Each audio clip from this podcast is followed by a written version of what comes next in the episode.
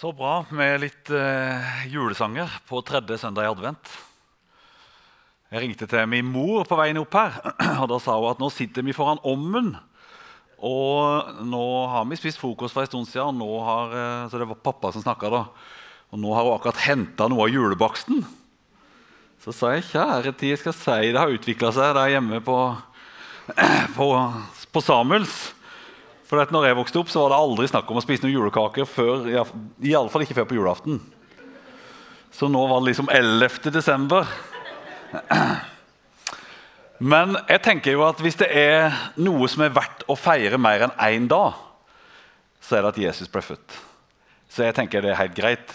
Det, så kan det så være at handelsstanden vil dra det ut litt, så vi bruker litt mer penger. Men vi kan jo bruke den anledningen til å feire Jesus bare enda mer.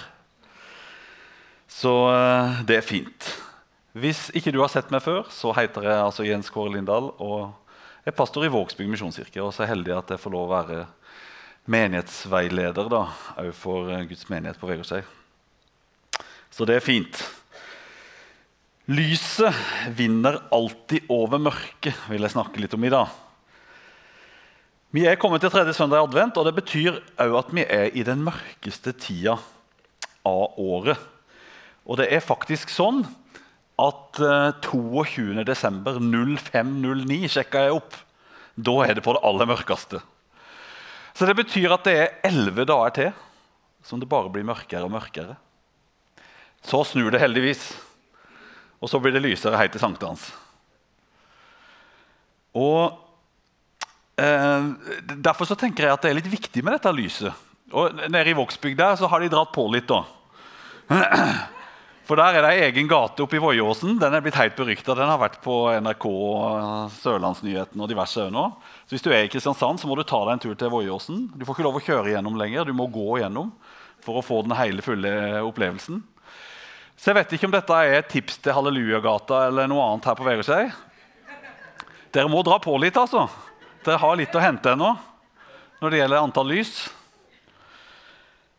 Men det er ikke så rart at vi må ha litt ekstra lys i denne tida. her, For det, dette mørket det påvirker oss litt. Um, vet, Før eh, så tenkte de sånn at vi, vi, arbeider med lyset. Så folk sov mye mer på vinteren enn de gjorde på sommeren. Mens vi, eh, vi har liksom snudd litt på det der.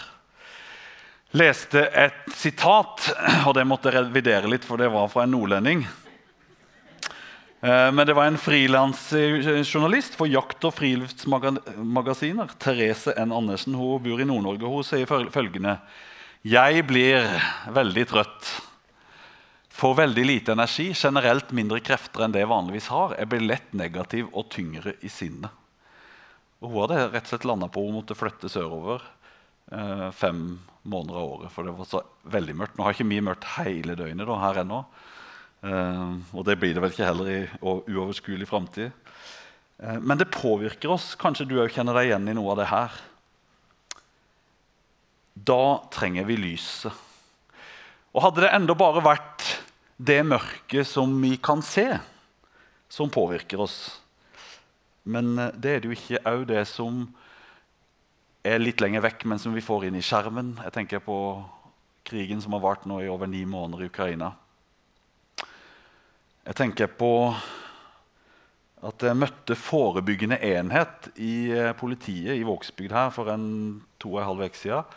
Snakka litt med hvordan ting utvikler seg i ungdomsmiljøene. og Da sa de at det vi før så eh, blant 15-18-åringer, det ser vi nå blant 13-15-åringer.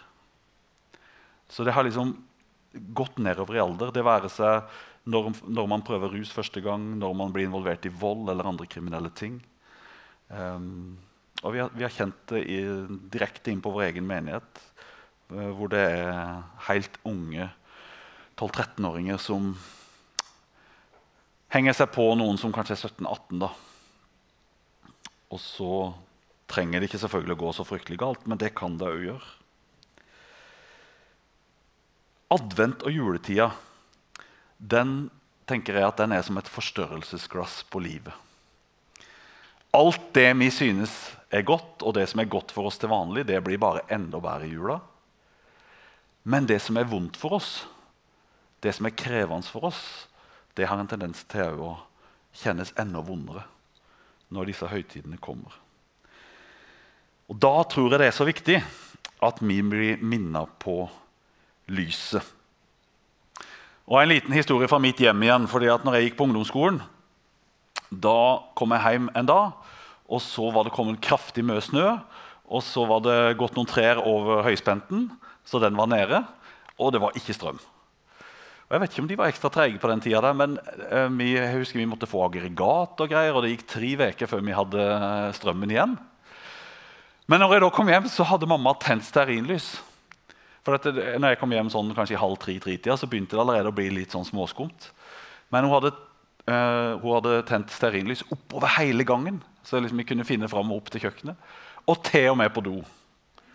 Nå er jo det blitt veldig vanlig med sånn duftlys overalt, men det var det ikke akkurat da. Så jeg husker jeg var så fascinert. Tenk at hun til og med huska på at vi måtte ha lys på do. Det lyset det gjorde noe enormt med meg, husker jeg. Og det var helt nødvendig. Det er ekstra fint at vi feirer Jesu fødsel midt i den mørkeste tida. Og Jesus han sa jo dette her. Jeg er verdens lys. Den som følger meg, skal ikke vandre i mørket, men ha livets lys. Og Johannes han var en av de som fikk leve med Jesus i tre år og fikk se dette liksom tett inn på livet, og han fikk erfare det inn i sitt eget liv. Og Når han skal skrive sitt evangelium, så oppsummerer han på følgende måte. Det som blei til i ham, var liv, og livet var menneskenes lys. Lyset skinner i mørket, og mørket har ikke overvunnet det. Dette var ikke bare noe han liksom tok ut av lufta og tenkte det, det klang fint. Nei, dette hadde han sjøl erfart.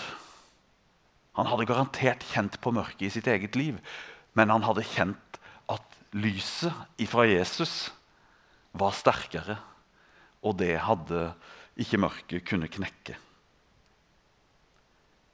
Jeg vet ikke åssen livet ditt er akkurat nå. Men jeg tror Jesus hadde lyst først og fremst å komme til dere med en sterk oppmuntring denne formiddagen. her. Mørket er ikke det sterkeste.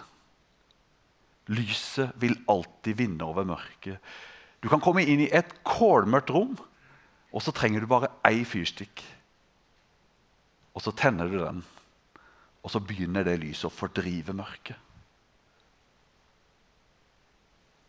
Jeg vet ikke akkurat hvordan ditt liv er akkurat nå. Men kanskje er du av de som får ekstra tunge tanker på denne tida, eller kanskje er det noen som syns det er ekstra tungt i ekteskap, i familie, blant venner. Kanskje er det sykdom. Jeg, jeg tror Jesus hadde lyst til å si følgende til deg. Jeg er verdens lys, og mitt lys er alltid sterkere enn mørket. Det kan oppleves veldig mørkt akkurat nå. Men det vil ikke vare lenge. Snart vil det snu, og lyset vil bli sterkere og sterkere inn i ditt liv. Ikke gi opp, men søk inn til meg, som er verdens lys. La oss bare ta et halvt minutt og så ta det inn.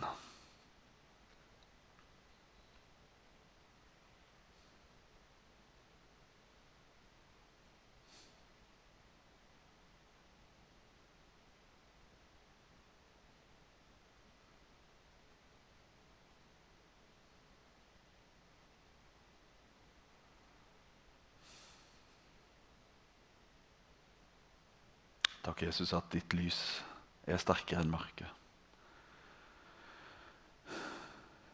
Og takk at du kan få det til å snu.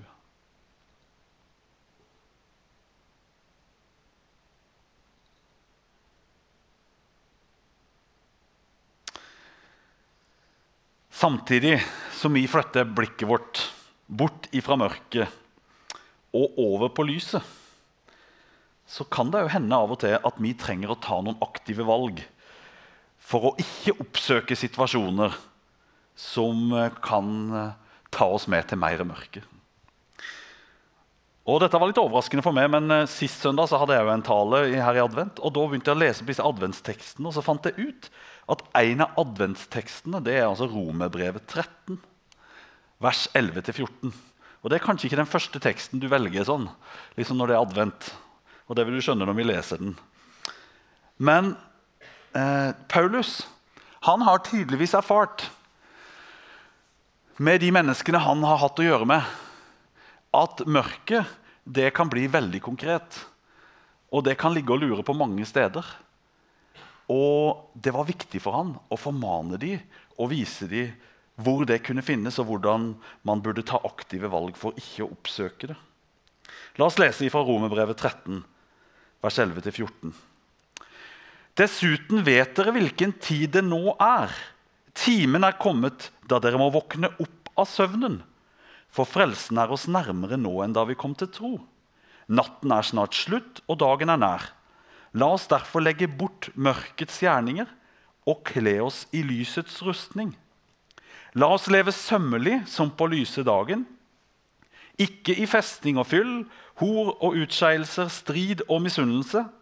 Men kle dere i Herren Jesus Kristus, og vær ikke så opptatt av kroppen at det vekker begjær. Jeg vet ikke hvor mange prekener du har hørt i advent av denne teksten. her.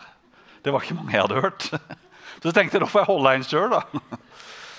Det skal ikke bli hele denne prekenen, men det skal bli et lite innstikk i den. For her snakker jo Paulus til mennesker som fulgte Jesus. Det var jo ikke de liksom eh, inne i Colosseum i Roma eller som eh, levde keiser, hos keiseren eller noen andre. Han snakket til Han snakket til de som var i menigheten. Og Den mørketida han beskriver, det er nok ikke den eh, mørketida vi opplever her, men han ser et åndelig mørke som heldigvis skal avløses av en fullys dag den dagen Jesus kommer igjen. Men den er ennå ikke her. Og så sier han noe om hva som er viktig fram til det. Og Det er tydelig at summen av de omgivelsene som disse romerne levde under, de var krevende, og de påvirka dem.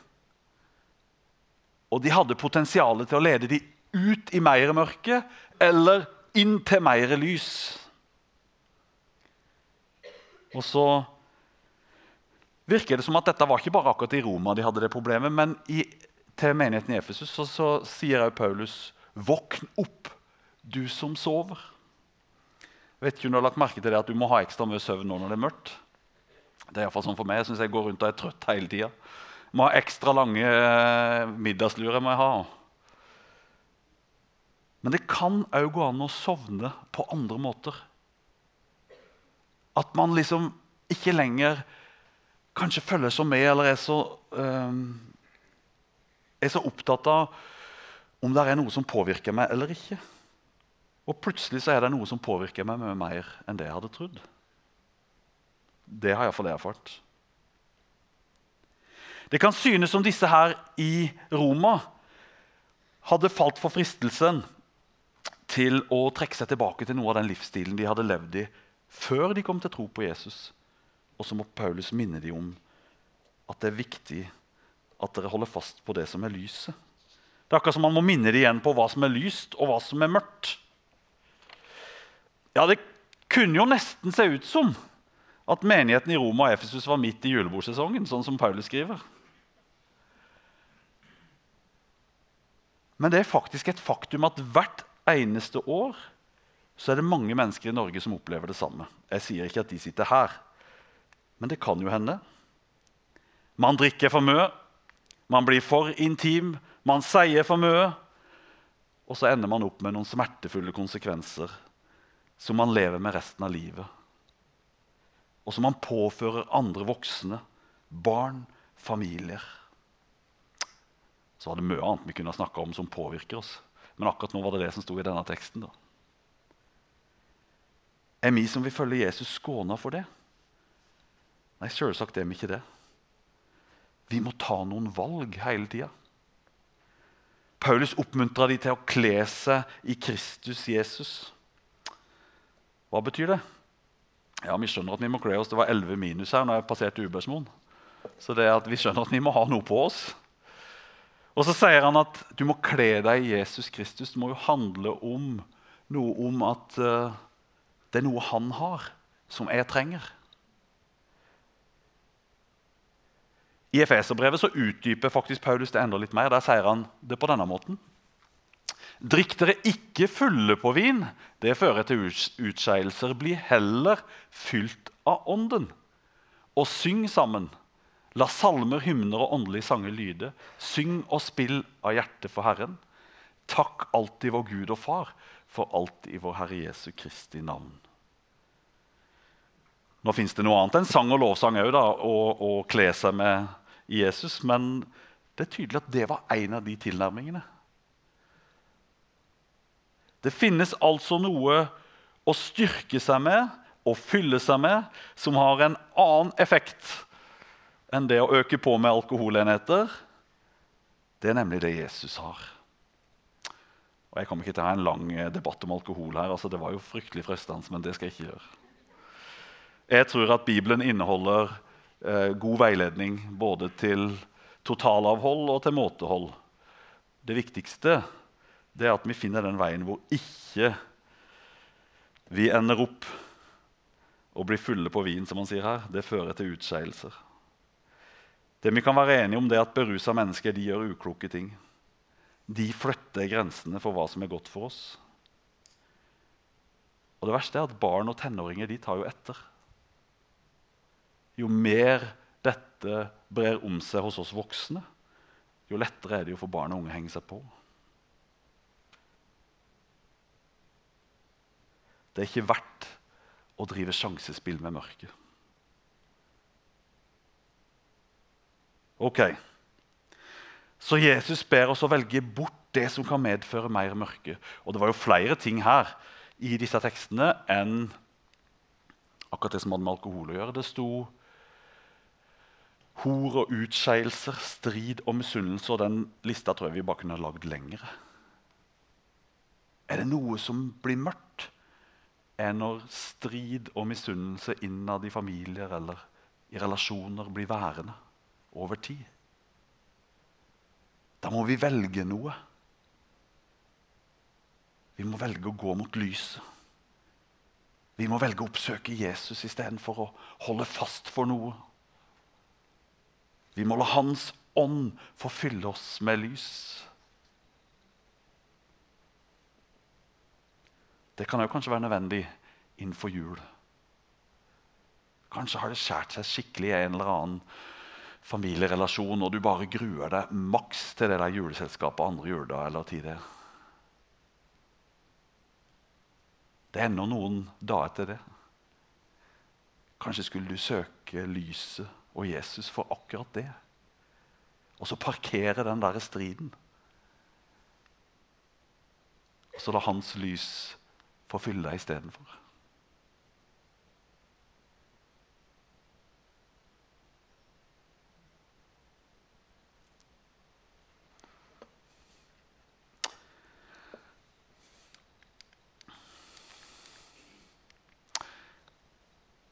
Det siste jeg hadde lyst til å si litt om, det er at i tillegg til at vi kan flytte blikket over på Jesus, og så kan han òg hjelpe oss til å ta noen valg der vi ikke trør ut i ting som vil bringe mer mørke, men som kan vende oss mot lyset. Så har han en veldig sterk oppmuntring til oss, nemlig å bringe dette lyset videre.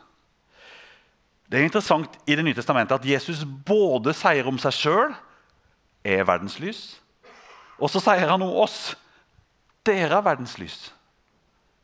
Ja, Det er jo merkelig. Skal du ikke bestemme det? Er det det ene eller er det det andre? Nei, Poenget er jo at han identifiserer seg så sterkt med oss at han vil at sitt lys skal skinne gjennom oss til den verden som er rundt oss.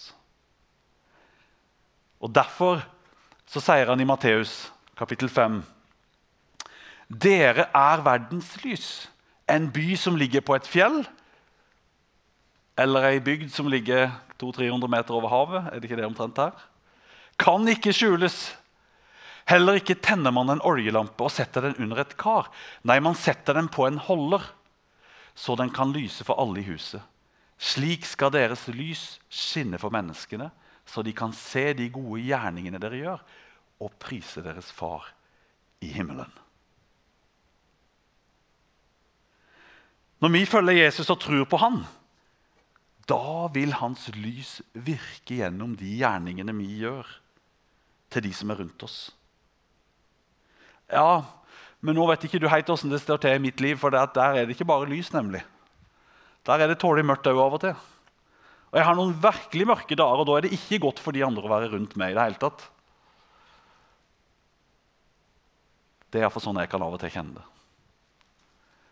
Da er det veldig godt å vite at det lyset ifra Han, det kan skinne gjennom ditt liv, sjøl om det oppleves som ei sånn sprukken leirkroke. Og Dette hadde også Paulus erfart både i sitt eget liv og ettersom han ble kjent med stadig flere mennesker som ble kjent med Jesus. Så skjønte han det at det er jo ikke bare fullkomne mennesker som blir kjent med Jesus. Det er helt vanlige mennesker med helt ordinære liv, og som har masse ufullkommenheter med seg. Og så skriver han det her. For Gud som sa 'lys skal stråle fram fra mørket', han har også latt lyset skinne i våre hjerter for at kunnskapen om Guds herlighet i Jesu Kristi ansikt skal lyse fram. Men vi har denne skatten i leirkroker for at den veldige kraften skal være fra Gud og ikke fra oss selv. Jeg tror det. At en god gjerning gjort av deg, uavhengig av god eller dårlig den dagen er, eller åssen veka de har vært, det bringer Jesu lys til et annet menneske. En klem gitt av deg bringer noe av hans kjærlighet og nåde, uavhengig av om du tenker at 'jeg har alt på stell i mitt liv'. Det er det som er evangeliet.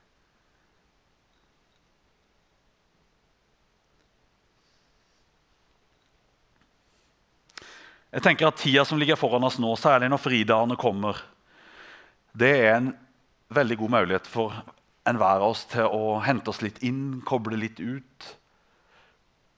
Koble oss på familie, venner. Jeg tror det er godt for oss å komme ut i lyset og la kroppen lades litt. Og det tror jeg Gud unner oss. Samtidig så tror jeg at Jesus kommer med en veldig sterk oppmuntring til oss i denne mørketida. Ikke skjul lyset ditt. Løft blikket og se de som er rundt deg. Ikke bare trekk deg inn tilbake innenfor husets fire vegger og tenn lys der. Og Det kan jo fort bli sånn, for vi har så mye planer. vet du. Vi skal jo, altså, og nå er det jo ikke bare sånn at det er i, i mellomjula, men det er, jo liksom, det er jo ofte noen sånne ritualer på de her dagene før jul. og Hva gjør vi på lille julaften? Da går vi på rådyrjakt. Det er jo en sånn tradisjon. Å skyte juletre det gjorde den før, da, men nå har vi jo tatt inn juletreet for 14 dager siden. Men så har vi alle disse planlagte tinga. Og det er jo masse fine ting, alt sammen. Men må vi bare passe oss for at ikke vi bare liksom blir innafor våre husets fire vegger og vår familie, og så tenner vi en haug med lys der. Når det fakta sitter folk på Vegårshei som er ensomme og kanskje ikke har noen å være med på julaften. Det er dere som kjenner deres nabolag. Men hvis statistikken i Norge stemmer, så stemmer den her òg. Eller det er kanskje òg noen på Vegårshei som ikke har råd til alt det som en tenker en skal ha råd til til jul. Og da hørte jeg at uh, dere har en aksjon uh, og skal bruke en del penger på det. Snakka med Knut. Jeg forsto det var kommet inn 20 søknader. Um, det er jo veldig fint. Og så er det litt sånn trist på samme tid, kan jeg kjenne. For det betyr fakta hen at det er 20 familier som kjenner at de trenger. Og det skal det ikke være noe skam knytta til i det hele tatt. Det skulle bare mangle at ikke vi skulle dele når vi har et overskudd. Men kanskje kan det til og med være noen som du kunne hjelpe utover det som menigheten her gjør sammen, som er kjempebra. I Vågsbygd var det en vennegjeng som fikk høre at vi har noe som heter Frimat. Det, er jo en sånn økumenisk tiltak som deler ut gratis mat, henter på Matsentralen. Deler ut mat en gang i uka. Og det er flere som gjør det i Kristiansand. Er, vi er med på et opplegg uh, ut ifra uh, ja, han som leder det fra vår menighet, men uh, selve lokalene er i Frikirka. Og så er det folk fra ja, alle menighetene i Vågsbygd som deltar der. Der er åt, mer enn 80 familier som ukentlig går og henter mat. Men nå, før jul, så var det 50 familier på venteliste som ikke ble med i de 80. Og Da var det en vennegjeng knytta til en av våre cellegrupper som bestemte seg for at det vil vi gjøre noe med. Så nå har de lagd et arrangement på Facebook og delt. Og nå til veka og neste veke så blir det to muligheter til å gå på butikken, kjøpe to fulle poser med mat, gå og levere det i Frikirka. Der har vi kjøle og forskjellig. Og så blir det utdeling til de 50 familiene. Det kan være én måte.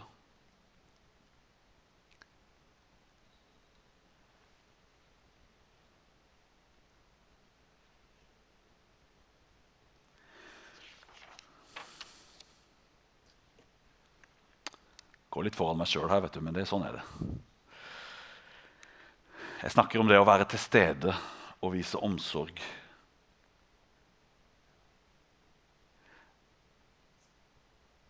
Jeg husker I 2015 så kom det to herlige gutter fra Iran som hadde flykta til Vågsbygd. Og jeg traff dem på et, eh, et um, kommunalt uh, mottak.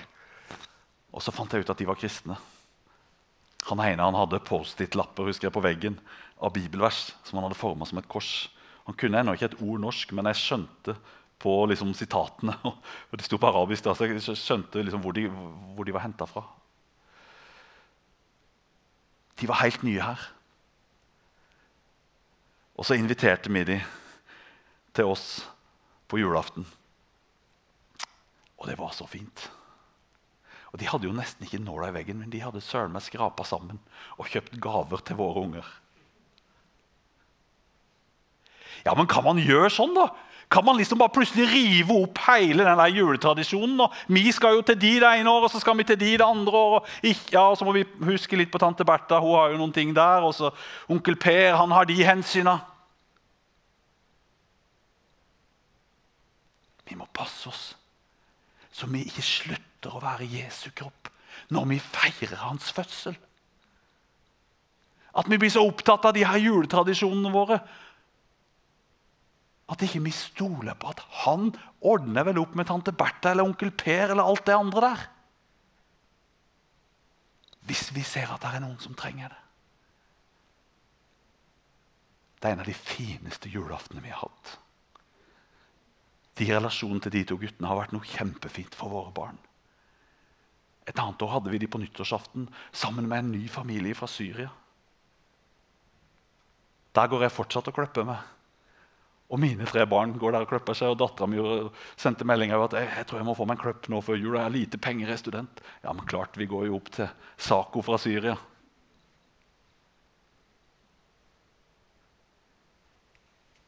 Vi må ikke frykte det fremmede i ei tid hvor Jesus kom som en fremmed, men det var ikke rom for han i herberget.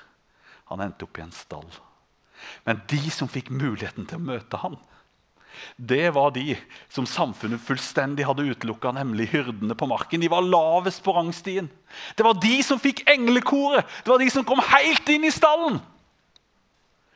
Hvis vi har lyst til å erfare mer av Jesus denne jula, så må vi åpne døra på vid gap for de som måtte trenge det litt ekstra. Da kan det hende vi har engler på besøk, sier Bibelen.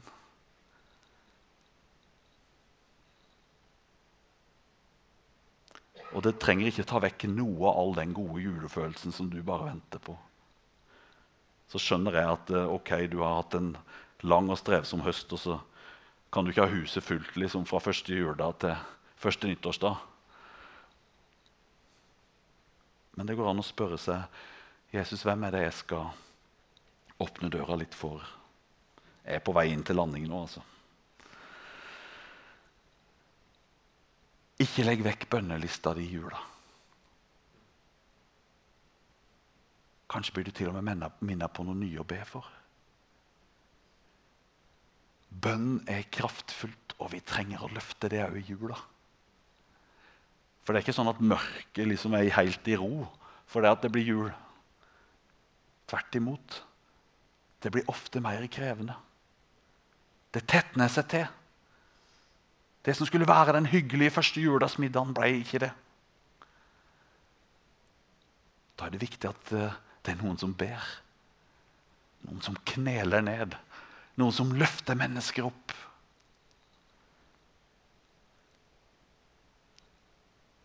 Og så kanskje kunne du òg være med å gi noe litt ekstra. En av de sterkeste nådeerfaringene i mitt liv jeg tror jeg må fortelle den. Kanskje jeg har fortalt den her før, da får dere bare tilgi meg. Det var i 2016. Jeg tror det var i 2016. Jo, seks år siden. Jeg var på vei til Hovden i vinterferien. Bilen var pakka full. Og kjørte oppover til Mosby, og det var sånn kø i kø i kø.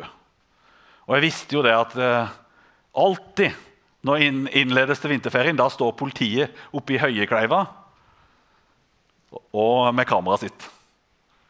Men det er liksom ikke sant, du setter deg i bilen, så har du glemt det. Og Jeg lå i sånn kø og stanga opp igjennom. Men så akkurat når jeg kom til Mosby, så var det en fotgjenger som gikk over. Dere hører at dette er sånn unnskyldninger som jeg nå forbereder dere på for hvorfor jeg egentlig får en, ender opp med noe som ikke er så greit. Men det gikk en fotgjenger over, kanskje gikk det to òg til og med. Og det gjorde at når de var liksom over, så, det, så skulle jeg gjennom rundkjøringa. Og når jeg kom igjennom den, så var det plutselig liksom 100 meter fram til den der eh, bilen i køen. Så jeg tenkte nå må jeg jo ta den igjen. Og akkurat der sto de. Og jeg rakk å komme opp i over 70 km. Du har bilen pakka full. Alle forventningsfulle de skal på vinterferie. Kona sitter på sida og smiler. Og så blir du vinka inn. 6500 i bot. Du har bare lyst til å grave deg ned vet du, og snu og kjøre hjem igjen. Vi kom oss på vinterferie. Det ble en fin tur. Men akkurat på den tida var det ikke sånn at liksom 6500 det var liksom bare cashe ut umiddelbart for min del. Jeg i hvert fall eh, tenkte at Det blir litt krevende hvis jeg skal ta alt dette på en måned. Da er det jo sånn Du kan ringe inn og så kan du få liksom muligheten til å betale det over to måneder. Da. Så det var ikke sånn at vi kom til å bli konk av den grunn. Men, eh, men, jeg måtte liksom organisere meg litt. Og jeg kjente jo at jeg, jeg bebreida meg sjøl noe så fryktelig. Jeg tenkte det her kan du iallfall ikke be om. Dette her må du bare ordne opp i sjøl. Dette her må du ikke belemre Gud med. Altså, dette her, den situasjonen har du satt deg i sjøl. Dette får du ordne opp i sjøl. Så gikk det en ukes tid, og så satt jeg på utsida av Vågsbygd senter i bilen. Så kommer det et menneske bort og knakker på. Jeg hadde ikke sagt dette til noen. Og Så ser jeg at det er en person jeg gjenkjenner. Det skal jeg ikke si hvem er. Men så gir vedkommende meg en konvolutt og så sier det, jeg ble bare så minna her om dagen. Og Det var jo så rart. liksom, Jeg tenkte kan dette stemme? Men jeg fikk liksom ikke fred, så jeg, jeg skal bare gi deg dette her.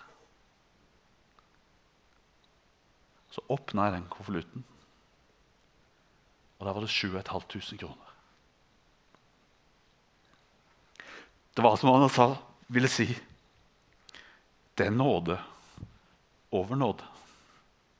Jeg vet at det var 6500 det koster, men her er litt ekstra bare du skal skjønne at du kan be meg om alt.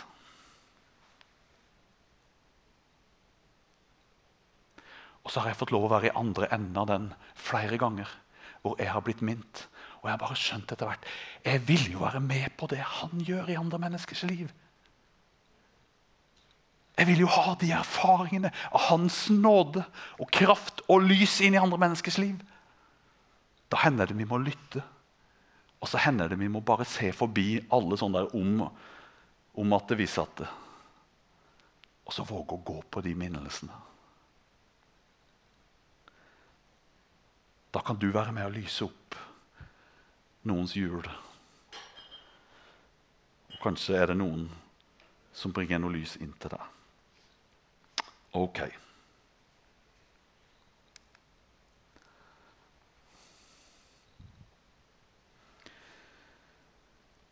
Lyset vil alltid være sterkere enn mørket. Så er det ikke sikkert at du kjenner det sånn akkurat nå. Men jeg er overbevist om at hvis du søker inn til Han, så er det ikke sikkert allting ble akkurat som du hadde tenkt. Men at det kommer til å snu. Akkurat som sola kommer til å snu 22.12. Det tror jeg. Han vil bringe sitt lys. Og så er det viktig for oss å ha klart for oss at det fortsatt er noe som er lys, og noe som er mørke. Det er noe som er godt, og noe som er ondt. Det er noe vi bør holde oss unna. Fordi det drar oss i en retning vi ikke ønsker, verken for oss sjøl eller for familien. Om du vet at det er full festing og mer av samme slag, eller om det er strid og misunnelse, eller om det er noe helt annet, så er Jesu oppmuntring til deg Legg det av. Ta noen valg. Kanskje trenger du å prate med noen om det. Og så er han der med sitt lys. Og så ville han at du skulle være med og bringe hans lys videre til andre mennesker. Med å vise omsorg, med å kanskje åpne døra til noen som du vet er ensomme denne jula. Eller kanskje han minner deg på å gi noe. Eller han minner deg litt ekstra å be for noen. Så tenkte jeg jo at eh, kanskje var det noen som syntes det hadde vært godt å få en ekstra forbønn i dag. Da er det jo alltid sånn at bønnerommet er åpent. Der er noen som er forbedret der. Jeg kan si det der. Og så blir det en mulighet for det etterpå. Jesus, igjen så vil jeg bare takke deg for at du er lyset.